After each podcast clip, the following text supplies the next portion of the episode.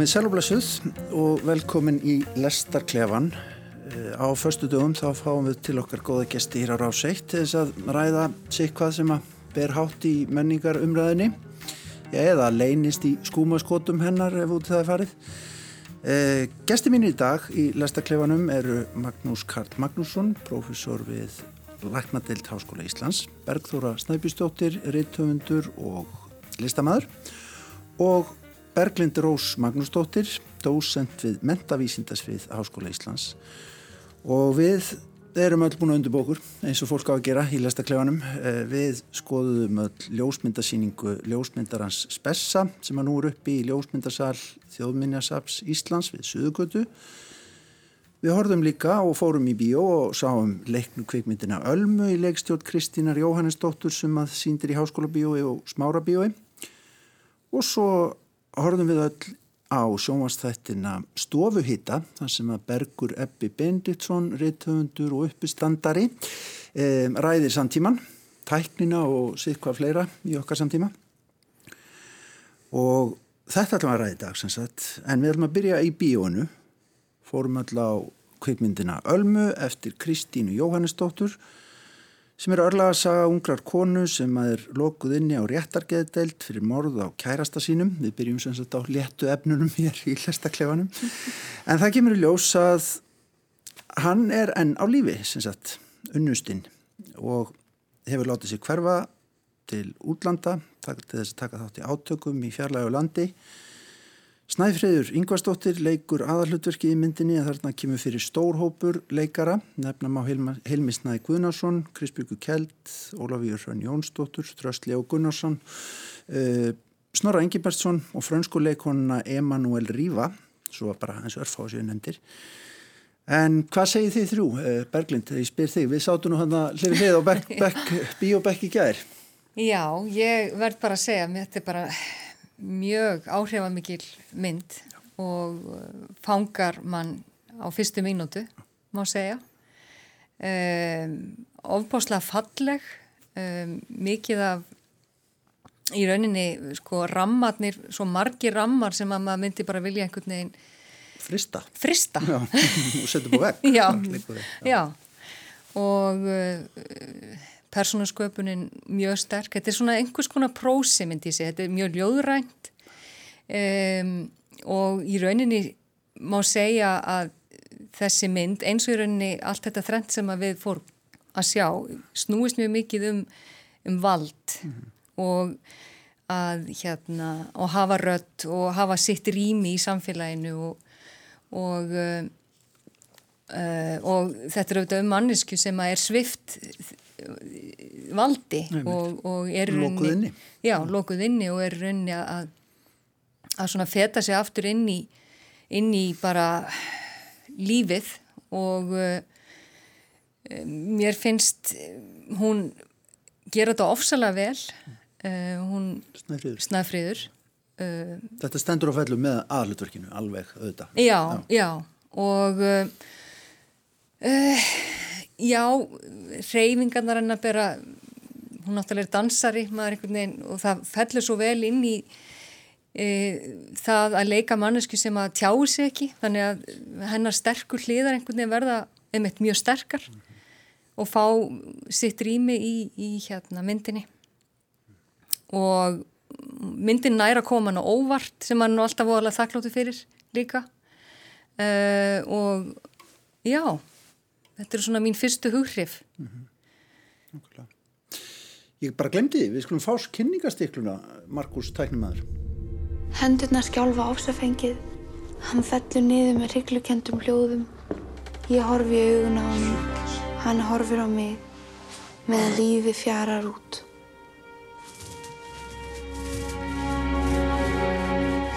Stærsta spurningin í lífinu er þessi. Hvernig á að fara að því að lifa meðal manna? Segð okkur aftur frá hvernig þú drafst þinn. Það er alltaf svo gaman.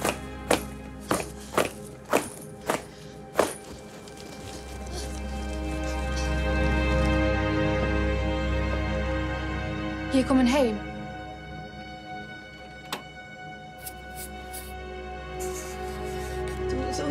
Ekki verið að býða svona endalust eftir því að hann komi. Le tuer. Hann er lifandi. Hvað ætlar að gera? Drepa hann.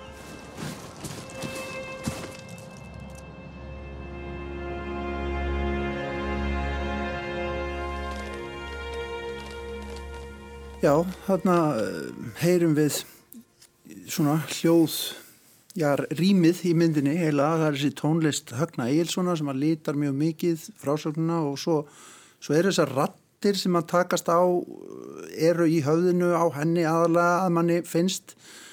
Og tveir heimar, annars vegar réttargeðdeldin og svo uh, sjávarþorp, mjög dulafullt einhvern veginn sjávarþorp, maður átt að segja ekki alveg á því hversu það er stort eða hvað en, en það er undir háu fjalli. Maður kannast svo sem við þetta. En Bergþóra, hvernig fannst þér þessi tveir heimar svona? það er að segja rétt, réttargeslu deildin og svo svona þessi sviðsetning myndarinnar skulum við segja. Mér fannst sko mér fannst báðir heimar gríðilega svona safaríkir einhvern veginn. Uh, réttargeðildin hérna þessi ljósi sterili staður þar sem að hérna konur eru, þú veist, og mér finnst það svo gott líka að sjá svona margar konur, þá svo mikið á konum og Í góðum hlutverkum. góð hlutverk og þá svo mikil áferð í myndinni, þú veist, og, og hljóðin einhvern veginn, þú veist, þegar hérna, þær eru að tala saman um hvernig þær myrtu mennina sína sem að beita þar ofbeldi eða börnið þeirra, þú veist, að hérna og, og svo svona íkt hljóðið í, sko, þegar hann er að gera skúldur einhvern veginn og, og svona smjatt og svo eru þær að að kroppa og stinga og blóðka hver aðra einhvern veginn óvænt. Þannig að það er svona ofsi. Og, og meðan að hún er þar er hún einhvern veginn algjörlega passív.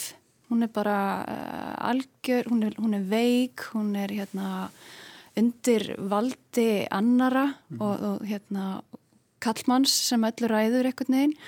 Og svo er hún komin í hérna sjáarþorpið og það sem að tengir þess að tvo heima er þessi, finnst mér sko, þessi kvíti litur, kvíti dauði, kvít heift, kannski eitthvað svona kvíld líka og hérna, og þá er hún farin að steka og hún svona reið, hún, hún, hún hérna stekar og, og talar og farin að tjá sig.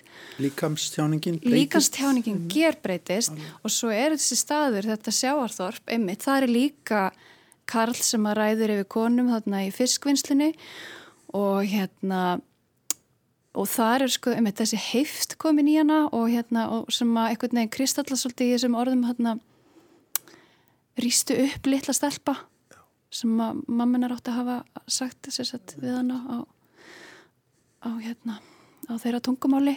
Og þetta er rosa mikið vangaveltur, þetta, hún stendur algjörlega utan við realisma einhvern veginn þessi mynd. Hún minnir mig á einmitt sko lukkið svona hérna Rói Andersen eða, eða einhverja svona ofsalega svona hið, hið fjárstæðikenda mannlega einhvern veginn sem að hérna sem að einmitt mann langar bara að eiga marga ramma þarna. Og hún er svo fyndin líka. Með svo mikil húmor það sem ein liggur í baði og er að horfa. Hádramatísk en samt svona Já, ofsalega húmor í henni sko. Ja, ég bara, já, mér finnst hann alveg rosalega hérna, ég, ég var rosalega, ég fjall alveg fyrir þessum, þessum tveimur heimum. Og þó hún væri svona einhvern veginn, þú veist oft, ofsalega oflæðin og, og, og, og mistæk og eitthvað svona þá, þá var ég svo til í þetta. Mm -hmm. Sko það sést eiginlega bara út í gegn hvað Kristín er vel skóluð í kvikmyndarlistinni og hérna, kem, er með mikinn og góðan grundvöld undir, undir sitt verk, finnst þið það ekki mann? Jú, þetta er, ég ætlum að taka undir með hérna Berglind og Bergþóra, þetta er alveg stórkvæslega mynd, hún er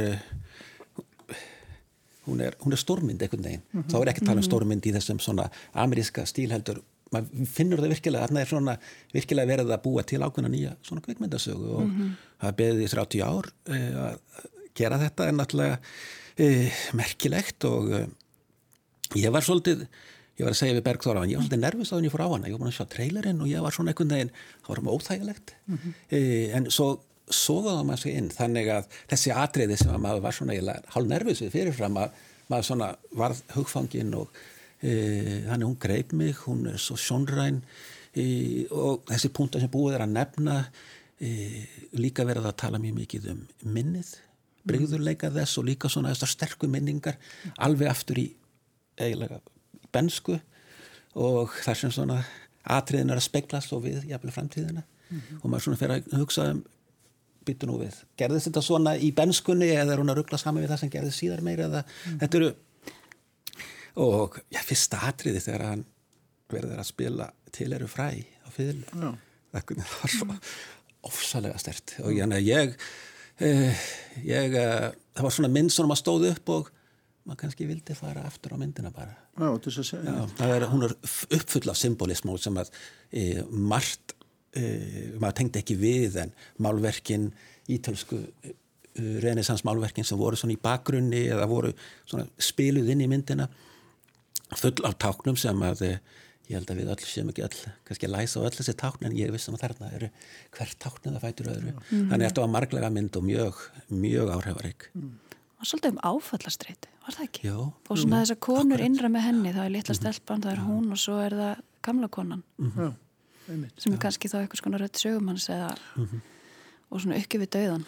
Það eru þarna tvær svona Grand Dame hérna frá Sikvori þjóðinni, Krispjörg Kjell og Emanuel Riva sem er hérna Þetta er konu sem koma fram sko í kveikmyndum, hún slæðir þessi franska, hún slæðir gegn sko með kveikmynd sem frá 1959, takk fyrir það er eina langur ferill, en það, þær voru ansi góðar hérna saman í þessu gamla húsi, fannst sko það ekki? Jú, mjög. Ótrúlegar og, og svolítið nýjar uh, ný persónasköpun, maður hefur ekki oft séð svona eldri konur sem eru í rauninni svona, svona umhyggju litlar, gagvart ungviði. Eins og, eins og þar voru þarna sko. Það, þar beindu sko umhyggju sinni fyrst og fremst gagvart hvor annari en, en ekkert þannig séð gagvart þessari ungu stúlku sem að enda kemur það hvað eftir hana fram að hún, hún segir í myndinni að, að það er engi sem huggar hana. Mm -hmm. og þarna einhvern veginn færmar það bara svolítið kallt kallt fram í, í þessum senum að, að, hérna, að það er þá miklu frekar að hún sé að sjá um þær en að þær sé að gefa eitthvað til hennar mm.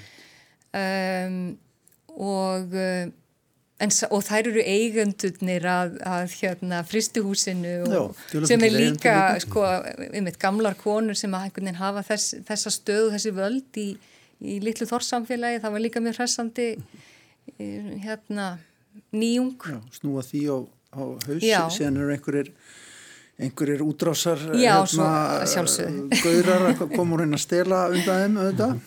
Já. kaupa undan þeim. En þessar senu fannst mér sko inn í húsinu þessi græni litur og samt svo franst Já það kemur mér að segja svona krippurhljóð og, og hún er bara allt í hún er hún eitthvað staðar í Evrópu Já, og, þetta hlýtur að vera tekið upp í eitthvað staðar annar staðar Mér fannst þetta svo... Græna, ég veit nú alveg hvernig þetta er upp, okay, sko. Þetta er okay. tekið upp í sóttvarnarhúsinu.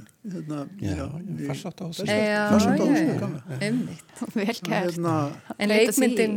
Það eru alveg, það lítur ekki svona vel út. Ég hef komið okkur einn nýlega og rétt eftir að tökur fór fram á þessari mynd. Það, hérna, það er alveg, lítur glæsilega út þarna í þessi gamla bygging sem það er. Já, en þetta er svolítið já, hún verður svolítið svona exotískur staður veist, þarna eitthvað staðar fyrir vestan mm -hmm. ímynda maður sér já. alveg nýr staður líka sem að maður hef, hafa aldrei séð já. og þessi franska kona sem er þarna eins og skrettin og seðalegnum og, og kannski það er svo tengingar, eurósku tengingar líka í upphafsadriðinu og svo hún franska og síðan eru e, það er svo margar ósagðar sögur sem að svona er að hvernig, hverju áttu þær kvotan og, og uh, svona hver kannski raunveruleg tengsl læknisins er inn í söguna uh, frá upphafið maður svona þarf að geta sér til en það skapar þessa svona Já, og það er ekkit verið að reymbast eða að reyna að búa til einhverja opuslega baksög það er að hvernig Við... morðið var mm. eða hvernig hún kom Nei, en það eina sem maður veit samt er að, að það tengjast allir. Mm -hmm. Allar þessar sögur tengjast með einhverjum hættum. Við fáum mm. samt ekki að vita nákvæmlega hvernig en það eru all, allir tengdir. Mm -hmm. og það er líka svolítið þetta með þessar konur þarna sem að eru sko eins og þú veist, eldri konur alltaf að segja við hann í gegnum myndina hérna, þú ert saglus, þú ert einföld, þú veist ekki hvernig þetta er. Og svo einhvern veginn sko fær hún einhvern svona styrk og, og hérna fer að sjá hlutina skýrar og menna matana þetta er svo bókstæð, hún er alltaf, alltaf verið að matana. Það er óþægilegt. Stinga upp í hana mat. Og þetta tala svolítið vel inn í bara þetta umhverju núna fyrst mér. Það hreyði einhvern veginn kannski ekstra við mér Já. mögulega út af, út af, út af hérna. Óbeldisheimurinn að baki Já. sögum hvennana til dæmis á réttageldinni hvernig, hvernig drafst þú þinn? Það er aldrei svakalega spurning. Það náðan og réttargeldil bara sko Já. og uh, svona þessi valda valda ójabægil þannig að það er ja, það var, og talandi líka þeir voru að tala um reyfingarnar hjá henni maður sá hvernig hún svona verður fyrst þessi reyðakona sem hún kemur og síðan svona eins og hún fyrir að breytast í mjúkari personu og mm -hmm. öðlast vald sjálf. Mm -hmm. fóta sig. Mm -hmm. hún, hún varpar því ofsalega vel fram í líkamstjáningunni, viss mér ég, það var eitt sem ekki það komið málunu við en mér fannst bara svo tákrættu hún hétti Snæfríður, þarna leikona þetta var því ljósa mann bara þarna Já. og tala svo ekkun veginn. Það er algjör stjarnar þessar er alveg frábær. leikurinn séu góður yfir það heila finnst manni en, en hérna en stendur og fellur með henni það er alveg rétt. Mm. gríðarlega tjáningafullt og mikið uh, áhugavert andlit bara fyrir, fyrir kvítatjálið En af því þetta er sko þannig sé sett fram sem svolítið tímalös saga uh, og eh, hefur verið hvað, 30 ári í, í, í smíðum Já. þá eru samt einmitt eins og þú segir Bergþóra, svo sterkar tengingar við bara samtímalega umræðu eins og mm -hmm. þetta með uh, hérna áfalla áföllin sem að marka okkur alla æfi og hvernig við einhvern veginn getum mögulega heila okkur aftur með því að, að horfast í augu við þau og, og takast á við þau og, og, og hérna hafa upplýsingarnar já og, og svo líka þetta með að það er svo mikil umræði í samfélaginu um réttindi þeirra sem að e, þurfa að leita sér e, lækninga á sviði gæðrætna þáta mm -hmm. þannig að þetta eru og, og vald sérfræðingsins. Við náttúrulega erum líka mikið verið að ræða um það sko um Já, hvað hefur verið gert margt kannski í skjóli þess valds? Já, mm -hmm. vera einhvern veginn já, undirsettur í, í samskiptum við, við valdið. Einmitt. Þú ert veik og svo annars vegar og svo hann vill bara að þú sért veik já, hins vegar. Akkurát, já. Hann vill hafa, vald, hann vill hafa valdið yfir þér að, hérna, að hann vill hafa þig veika. Það er svona stóru spennan kannski í myndinni millir hennar og, og, og gerðlæknisins. Já. E, Fallet að sjá líka að, að myndinni tilenguð Sigurði Heitum Pálssoni þetta Mm. Mjög fallegt og hans og það, það kemur strax fram í byrjun og, og það, er, það, það, það er svona eimir á hann Er ekki ljóð þarna eftir hann? sem er flutt Jú, jú. Já. Ég held að það sé hugsaði það, ég væri ekki búin að koma svona Minnstakosti eittur Það var skemmtileg Já, var skemmtileg. Og, og, og það gefur náttúrulega líka smá svona að því maður veit að þú veist, veit söguleikstur hans að hún, þú veist, upplýði þessa djúpi sorg og, og hérna missir hérna ástun sinn að, og félaga að, að þú veist að þetta er svolítið uppgifið dauðan einhvern veginn og, og hérna missi. Mm -hmm. þannig að Já. hann svona sífur yfir vötnum.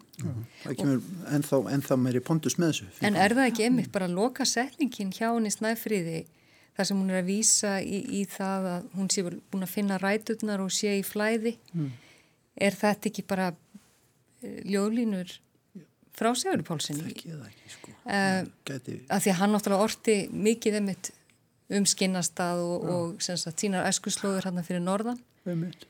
og hvernig og hversu mikilvægar þessar rætur væri rauninni. þannig ég einhvern veginn, ég ákvað allavega að þetta, væri... þetta væri það, Já, Já. það er líka bara en við þurfum að halda áfram vegna þess að við ætlum að ræða meira hér. En við mælum með þessu að fólk sjáu bara hérna, metnaðafulla íslenska bíómynd í, í hérna, háskóla bíói eða smára bíói Gæsti mín í dag eru Magnús Karl Magnússon Bergþóra Snæbjörnsdóttir og Berglind Rós Magnúsdóttir. Spessi 1990-2020 heitir já, uppgjörsýning 30 ár úr, úr ferli Sigurþós Hallbjörnssonar Spessa sem er fættur á Ísafyrir 1956 þetta er í þjóðminnarsafninu í ljósmyndasalunum þar superrealísk ljósmyndun uh, og þarna blasir við okkur bara íslensku veruleiki umbúða laus uh, aðalega íslensku reyndarinn en smávegis frá útlöndun líka uh, Berðþóra, hvernig fannst þér að fara í þjóminnsefni og skoða spessa? Sko, kom mér einhvern veginn skemmtilega óvart ég hérna um, sko spessi maður hefur einhvern veginn hefur þess að svona, múum að ræða hérna áðan uh, svona, hann er svona töffari Já. það er allt svolítið töff veist, og, og maður þekkir hann fyrir portrétinn og, og þessi sko, myndra listamönnum og svona Gerir á háværu mótuhjóli um, um götu borgarnar og já, já, hefur, hefur hérna hefur farið til bandaríkjana að keira móturhjóli og, og, og hérna verið í þeim kultúr og svona, þú veist.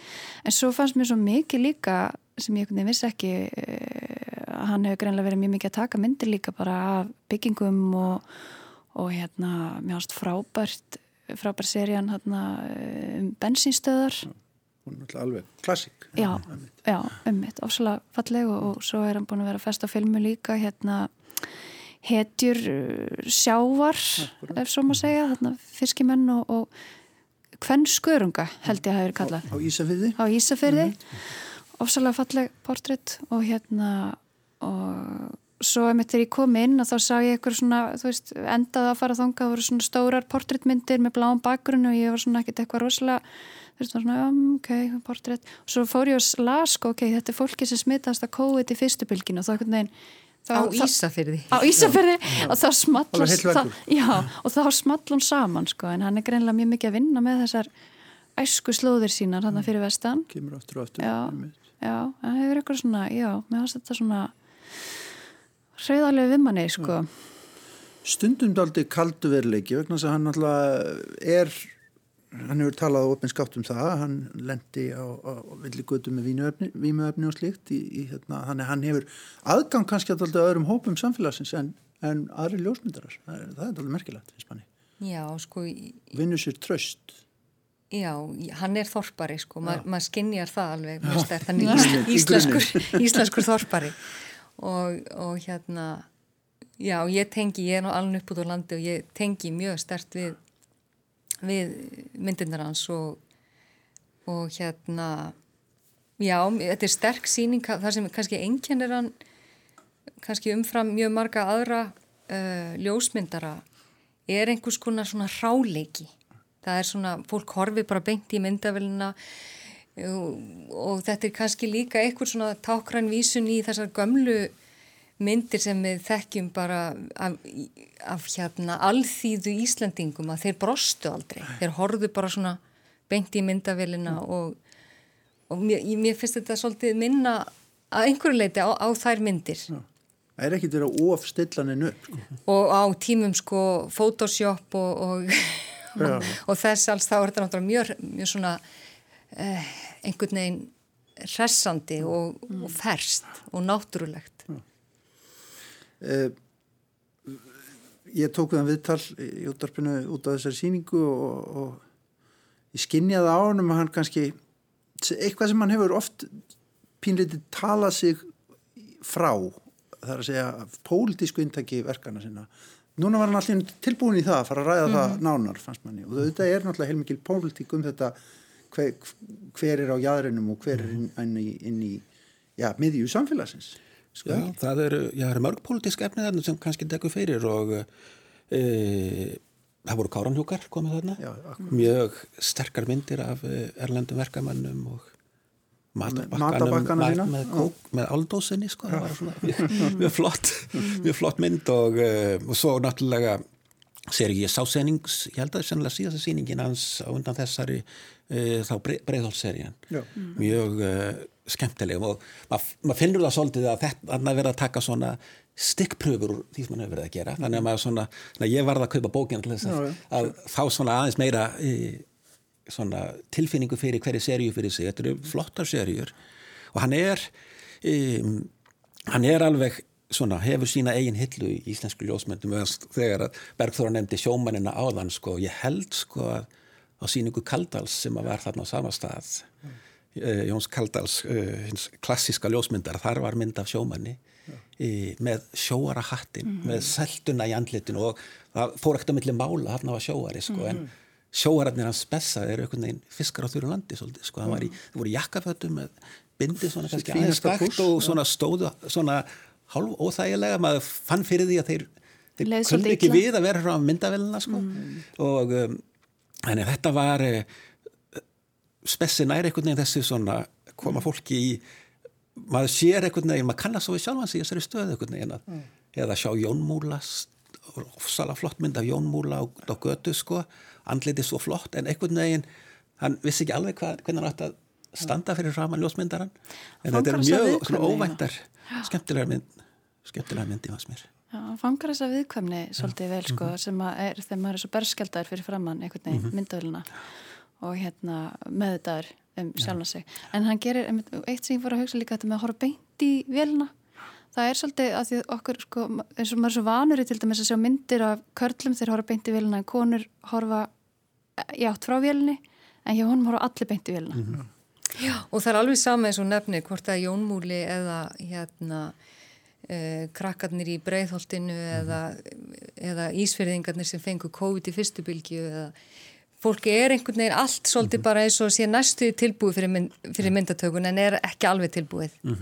Og þ- þannig að stjætt og staða skiptir einhvern veginn einhver máli. Það er einhvern veginn allir bara í einhverju samtali við hann og svipu, já, hann nær einhvern veginn svona já, virðist vera uh, svipuðum tengslum uh, við alla þessa.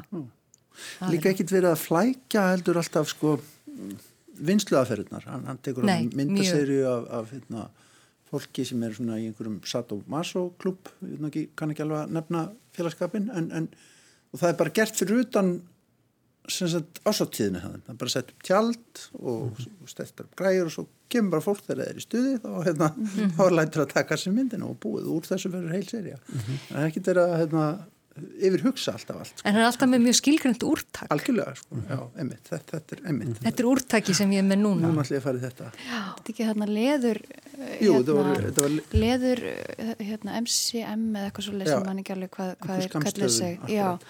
það var svona klopningur svolítið frá hérna, samtökunni 78 sem að, að þeir vildu uh, já, stopnuðu svona le, leðurklúb í rauninni þar sem að menn mætti Mhm. og svona fólk svona sporta sínu flottasta dressum þar, Já, já, já. akkurat. Já.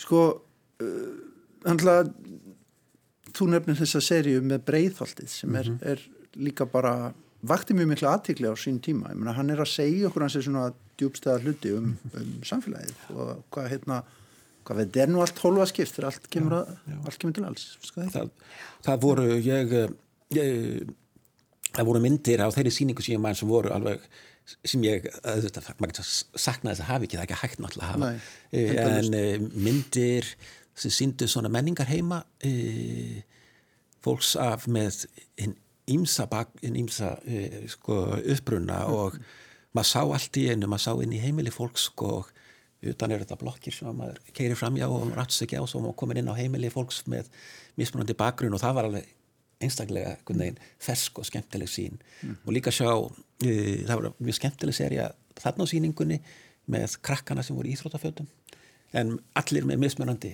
Já. bakgrunn en uh, allir í mismunandi euróskum íþróttatreyjum frá Barcelona eða, eða leikni var það. Þannig að um, já, það er alveg rétt en um, hann nær hann nær að svona einhvern veginn að, að snerta á hl- hlutum sem að kannski hafa menn hafa glemt í okkar samfélagi. Já. Svo náttúrulega þessi stórkostlegu listamannaportrétt sem að, hérna, að ná, ég menna til dæmis þessi, þessi mynd af Megas með hatt.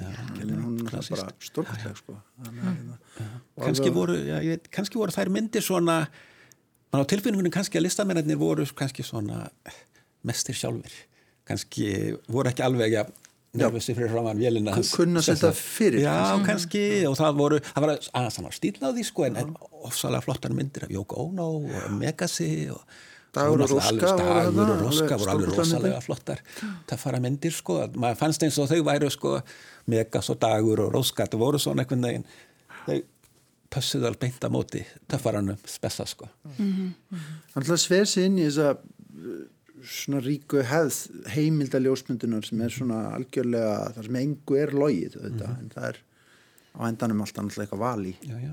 ljósmyndinni, hann, hann velur hann ræður, eða ekki? Jú, jú. en ykkur finnst þetta sterk rödd svona, svona hangir þetta saman? Þetta er, þetta er, að því að þetta er þarna, er, þarna erum við að skjótast inn í svo margar serjur sko og hérna ég fór svona að veltaði fyrir mér. Ef maður þekkir ekki serjurnar í grunninn, kaupir ekki bókina og skoðar ekki restina af myndunum sko. Já. hvort þetta hvernig svona sýningin er sko. Mér finnst bara ef ég ætti að kjarnit í einni setningu þá er henni rauninni að, að miðja þá sem eru á jæðrinum og þegar hann tekur myndir af já, Megasi degi, rósku, þá er þetta fólk sem er ekkit endilega jafn miðjað og þeir í dag. einmitt, heldur betur ekki. Nei og ég held að við þurfum kannski að hafa það í huga þegar við erum að skoða þessar myndir. Já, uh, og um, að þýlitinu til er þetta pólitísk aðgerð að hans hálfu. Já, uh, vegna þess að hann er í rauninni aldrei ég allavega sá enga mynd þar sem ég gætt sagt já, hann er sérst að taka mynd af, af valdamanni eða þess tíma. Nei. Uh, þannig að, já, hann er að draga hann er að gefa fólki uh, já, rödd og rými sem hefur kannski annarkort langa til þess að hafa það. Ég meina eins og listamennir í meira mælinn þeir höfðu á sínum tíma. Ég meina dagur var nú bara að selja hérna í kaffuhúsum sko uh, ljóðin sín. Hann var, hann var ekki hérna ríkur af, af sínum sinni listsköpun. En Þetta er yfirlýtsýning þannig að og, ég held það, það, það skapar alltaf þennan þú vilt sína svona einhvern veginn heildar yfirlit en Gefa þegar um er að ræða 30, 30 ára feril að það er uh, fyrir bragðið þá þarf einungis gefa svona snapshot af, af hverju einu verki. Þannig að uh, ég held að það sé bara eðli yfirlýtsýninga að þú nærði ekki að kannski skapa alveg sömu heilstæðu myndina eins og þú ert með afmarkað eina spurningu sem verður að rannsaka í afmarkaðri síningu en mér fannst hún vera e, gera þetta vel og, og vel valið inn í hana og voru þarna myndir sem ég þekkti ekkert voru til dæmis þarna búsáhalda byltingin Já. Já. sín tólum bara þarna applause. rödd hérna, þess þessi hérna, sem að vantar rödd þegar við fórum og börðum í pátt og pönnur og svo tekur spessi myndir af pottunum og og Bygglum. pönnunum og, Já. Og felguliklum og hinn og þessu sem fólk nota til þess að lemja húsáveldin með Byltingin náttúrulega, búsaldabyltingin fléttast líka inn í ölmu þannig að það var svolítið Akkurat. áhugavert fannst mér að hérna, sjá búsaldabyltinguna á hérna, Einmitt. báðum stöðum. hún, hún hérna, pop, skýtur þar upp kolli Já, í svona á æsilón flótta hérna, ölmu úr, á réttagettildinni Já. svona er þetta, það er alltaf mjög fyndið í þessum þætti í lestaklefanum að þegar maður byrjar að velur eitthvað sem maður heldur að sé algjörlega random að þá tengist það alltaf endur það þrennt sem við verðum að tala um, það er mjög er bara, hérna, kannski er þetta bara hefileiki mannsins að sjá tengsl alltaf en, Já, en, en, já. en hérna en kannski er þetta bara svona. En ég held að einmitt, eru það- bara 20 eða Já, ég, einmitt, ég hugsa, já, þetta er svona bylting. Þetta, þetta er svona byltingaþáttur. Já, er ekki líka, eh, sko, við erum tíu ár núna sko frá því þetta var sko þannig að núna er þetta að fara að poppa upp sko, ég held að það verið of stórt til þess að díla við það sko fyrir Alveg strax, strax á eftir. Þetta er að poppa upp núna svona. Núna svona fer þetta að verða í, í einhverju skynsanlegu eftirliti. Eða endurliti, segja Já, En sem sagt, þið hérna metið það svo að þetta sé áhugaverð einsýn inn í samfélagið, íslenska samfélagið. Og ég menna okkur holl, eða ekki smáis, að, að sjá hvernig spessi beiti linsunni. Jú, mér finnst sko líka fyrir utan sko hans einstakku sína bara myndirnar eru, þær eru flottar. Þær hafa höfundarenkenni hann er e, e, e, þannig að það er svona ég held að að flestir sem svona þekkja ljósmyndun, þeir þekkja myndinar hans.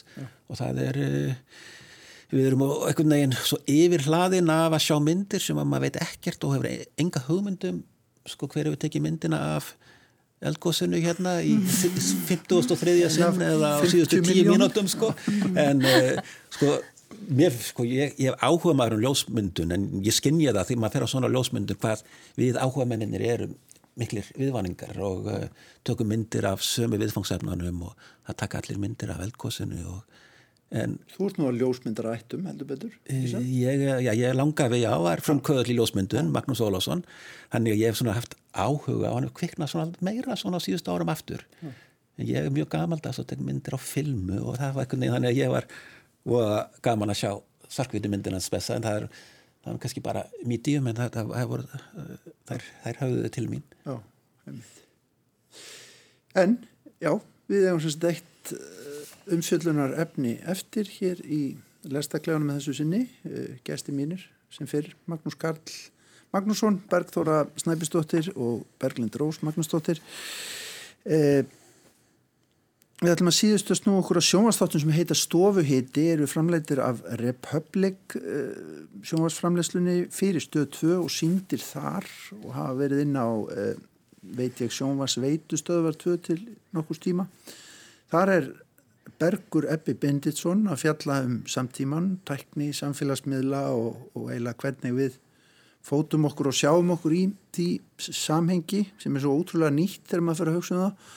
Hvað er stuttu tími eins og hann rifjar upp í þættinum að hérna, þá er þetta tækið sem ég með hérna, iPhone-in sem heldur utan um tíman fyrir mig hérna fyrir frá mig. Þannig bara frá 2007 mann finnst það að vera einhvern veginn þetta er svo snögt að breytast og hefur haft svo mikil áhrif á á það hvað hérna, hvernig við upplifum heiminn.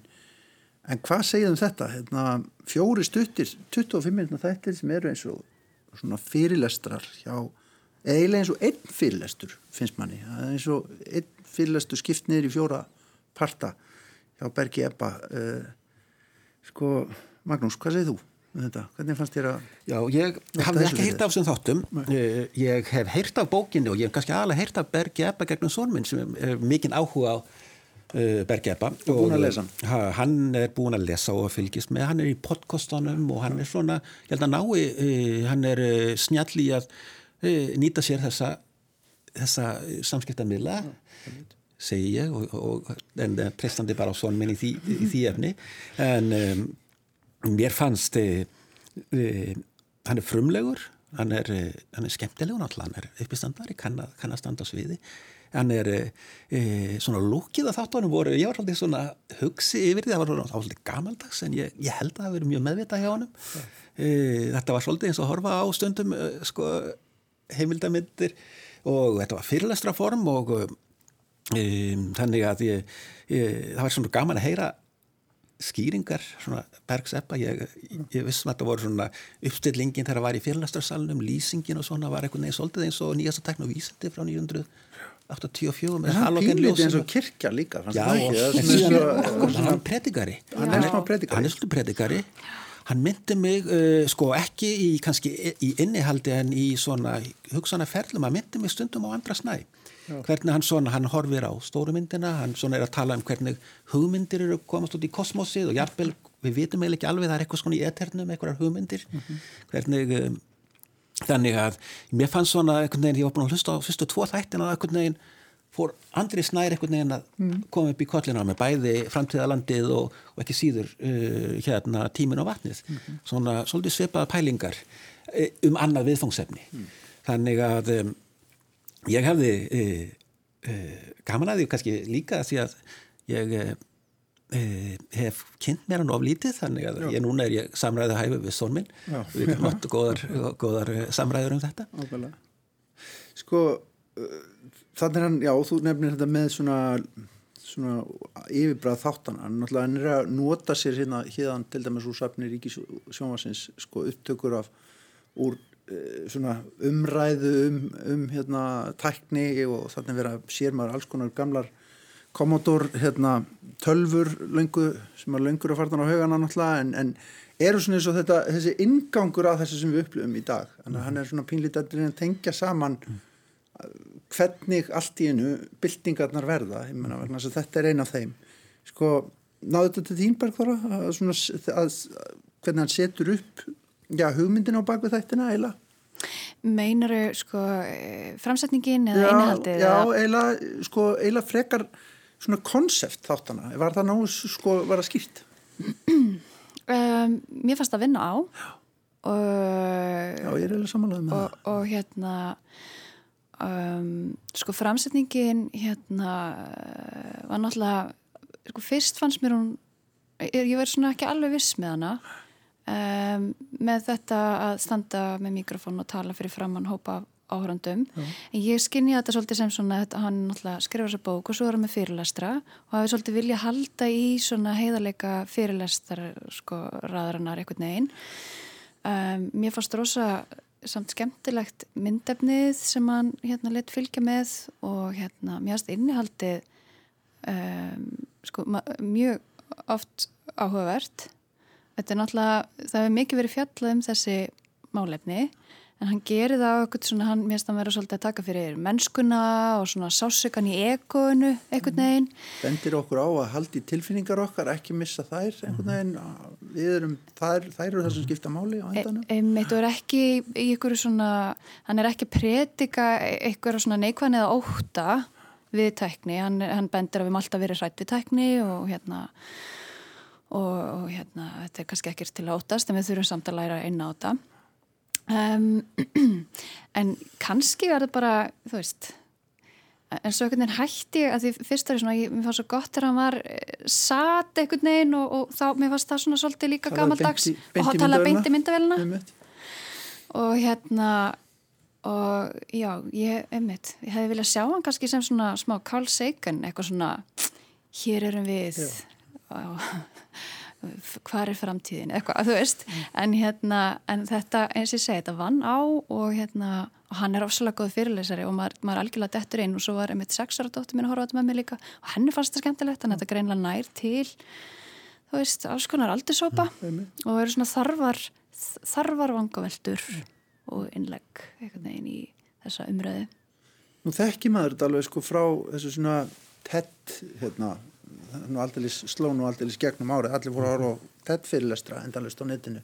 En þar er rísastóri salir yfirleitt og svona andlitslaus hópur sem að horfir á, þarna eru bara örfár mannskjur ég var alltaf að velta fyrir mér, fyrir mér hvað allir þessum finnist um þetta og hvað allir þessari finnst um þetta? Henni fór í nefið. Já, akkurat, akkurat. Sátt allir svona frekar prúður og penir en, en týsta svona hlæja að því þetta er náttúrulega fyndið, hann er frábær uppistandari og nýtir sér það þetta sem betur fer og lífkarta heldur betur við með því. Það er ekki bara, ég maður náður að hlæja þessu. Já, sko það er náttúrulega vel þekkt í, í hérna eh, kennslufræðunum að það er nánast bannað að halda fyrirlestur sko en hann er bara svona einn af örfáum sem að myndi alltaf fá að halda fyrirlestur af því að hann gerir það svo óbúslega vel og, og uh, nefendur, ef maður hugsaður um það þannig, þeir, þeir detti ekki út svo, svo auðveldlega uh, í, í svona fyrirlestri þar sem að hann náttúrulega með ótrúlega gott valda á íslensku máli og, uh, og bara mikinn sjarma og það eru þetta það sem skiptir öllu máli þegar að þú, þú ert að skoða fyrirlesara og hvort að manneskjan sé hæft til að halda uppi aðtegli og, og hérna og koma því á framfæri sem hún ætla sér. Þannig að þetta er auðvitað ein miðlun, þetta er bara semst, þetta er ekki samtal þannig séð nema af því að hann er alltaf í stöðu samtali við sjálfan sig og, og hann miðjar sig sjálfan líka ofsalega mikið í, í hérna fyrirlestum tekur dæmisur á sjálfun sér yfirleitt grátbróstlegar hann maður fær ofsalega samúð og, og talandum tilfinningar að þá, þá hérna nýtir hann sér það er mjög mikið að hérna, tala um eigin tilfinningar, hvernig hann hefur upplifað á hvernig hluti um, og svo framvegis. Og svo er hann auðvitað, er hann mentaður í framtíðafræðum, hann, hann er hann er auðvitað kljást við svona félagsvísdalegan skilning á samtímanum og framtíðinu og mér finnst hann gera það mjög vel. Mm -hmm. og uh, og það er alltaf það er náttúrulega alltaf fyndið að skoða gömul myndbönd þar sem fólk er reyna að segja eitthvað um framtíðina heldur betur og hann nýtt sér það það, það sem slíkt er alveg bara endalus sko uppspretta -hmm. eh, gleð, hérna skemmtefnis mm -hmm. Mér fannst mjög gaman þegar hann eh, tók þetta hann nefndi það vísi ekki nafninu Turing-testið þessa klassíska próf sem átt að leggja fyrir tölvu eða gerfigreind að Já. tala við hana hvort þú áttu það hvort það sé tölva eða hvort það sé persónu sem átt að ræða við. Mm -hmm. en þegar að tölvuna voru að leggja fyrir okkur svona öfugt Turing-test og hversu fáranlegt það var til þess að aðtók hvort við værum manneski þá þurftum við að vita hvar var umferðaljósa myndinni. I am not a robot. Já, I am not a robot og uh, þetta voru sko ég fannst hann afhjúpa þarna hvað gerfigreindin er að mörgu leiti superficial. E, og, og hún er góð til að takast á ákveðin viðfangsefni og e, ég held svona að þegar hann segir það eru tilfinningarna sem skipta máli ég held ég myndi kannski flækja það aðeins að segja en ég held að það séu tilfinningar með greindinni og hugsununni sem þarf að spila saman. Ja. og uh, en mér fannst hann komið mynd að svona mikilvægum punktum að gleima sér ekki í þessari tæknivæðingu sem væri að riðja öllu í burtu sem við höfum verið hrætt við í síðustu 200-300 ár mm. eða heflust alla tíð en hérna það var ímiðslega skemmtilegt hvernig hann setti fram einni hugtökinum e, e, sko að hvernig við deilum hlutum í dag, hvernig hlutur eru hættir að vera efnislegir mm -hmm. þegar jazz unnandin sem á heilu rekkana af jazzplötum er núna tengdur hún á Spotify og er með aðgang allir, allir tónlist í heiminum mm. hvernig rauninni gildismatið breytist mm -hmm. e, og uh, hann fór ekki inn á það en nú er kannski listamennir eiginlega farin að fara í öfuga átt og reyna að búa til einhvers konar kryptó currency eða kryptoart úr myndlistinni sinni til þess að geta aftur fangað hana niður eitthvað efnislegt Já. þannig að um, þetta voru, þetta eru mjög áhugaverða pælingar um hvernig upplýsing hvernig drönu er bara upplýsingar Já. hvernig hún, það er eigðast ekki við, við notkun, þú deilir þeim og ekkert hverfur, kakan er ekki búin þá þú bjóði nákvæmna Sko Já, sko mér finnst samt, já, mér finnst þetta samt svona þetta með að ég átt pínlítið erfitt með þessa kirkju sem er leiðin sem ég var komin inn í mm -hmm. ég hef verið að segja það en ég allt einu verið að komin inn í hérna, mm -hmm. Fíladelfíu söfnuðin að einhverju leiti sko. þannig að hérna, uppsetningin, uppsetningin frekar en efnið. Já, já, já, akkurat. Og, en það rennur svona af manni held ég. Svona, þær vangaveltur eftir því sem maður líður á seríuna. En var þetta ekki bara ótir löst sko auðvitað, Jú, sko af því að hann í raunni stillir sér í raunni miklu frekar upp eins og David Attenborough, sko hann vantar bara að vera einhvern veginn akkurat stattur inn í miðju Facebook samtali með einhverjum mm. og, og ræðum það veist, það, en það hefði verið kannski bara floknara og mhm. dýrara mm. en mér, mér finnst hann miklu frekar einhvern veginn verið að setja sig í, í hérna hlutverk eh, samfélagsgreinandans alveg eins og, og hérna David Attenborough var í rauninni í hlutverki miðlarans að miðla okkur semst, náttúrunni mm -hmm. e, þá er hann, því að hann er einhvern veginn ekki að predika nei, nei, nei. þannig að þú veist, ekki. þessi bakgrunnur og þetta sjónaspil sem hann er settur sér í, mér finnst það ekki, svolítið á skjön við það sem, sem hann er svo að gera uh. En, en kannski hans þæginda rammi líka að vera þarna með mikrofón, hann er uppistandari og hann er fyrirlesari og, og þú veist þannig að nýta sér það. Þetta er það format sem hann er góður í. Já, Já, en mér fannst hann líka að hann náttúrulega bara hefur mjög mikið sjarma og hérna og, og virkaði rosa vel þegar hann var að tala beint í myndavélina. Mm -hmm. Mikilli ákjöð og, og innlefin eitthvað neginn sko, þannig að hérna mm -hmm. hann seldi manni það alveg. Mm -hmm. En já, lúkið allt var svolítið svona gammaldags, það er alveg rétt og hérna það hefur ekkert verið, ég er alveg vissum að það hefur ekkert verið eitthvað, eitthvað hálkák þar baki heldur eitthvað hugsun sko Já, já, er, já, já þetta, er, þetta er hérna og líka bara skemmtilegt að svona efni sé búið til sem að er hérna ég menna það, það er ekki verið að hérna kasta rjómaterstum, þú veist, þetta er ekki skemmti þáttur sem slíkur, þetta er ekki svona hérna, veist, þetta er ekki heldur vikan við gíslamartinni eða þetta er einhvern veginn alveg, þetta er aldrei annað sko. Þetta er ekki uppistand og, og uh, þannig að uh, hann er hann er að ég held ekki að segja að kafa á dýpið hann hann er að kafa virkilega í mikilvæg mál mm. og, uh, og svona gerir það á frumlegan hátt mm. og, og ég reikna með að hann ég þykist vita hann noti mjög marga miðla til að koma sínum uh, báskap á framfæri. Mm -hmm.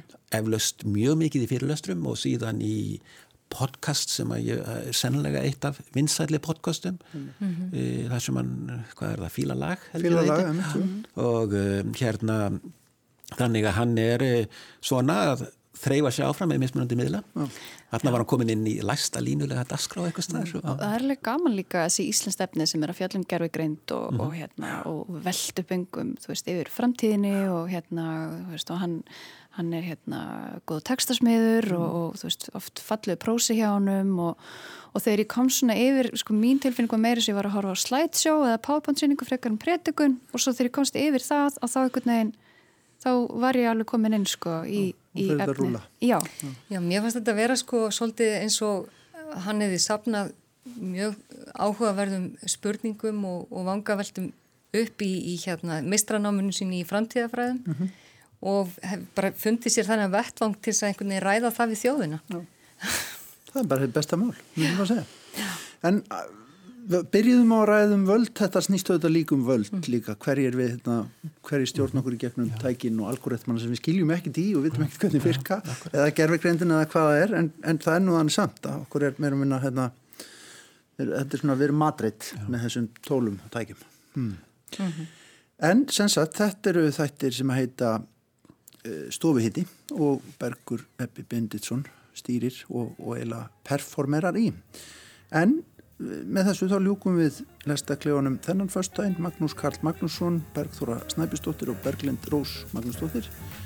Ég er búin að tæma ykkur alveg heldig og hérna, takk hella fyrir spjallum þessi þessar þrjár menningar afurðir og góða helgi. Takk fyrir. Takk fyrir.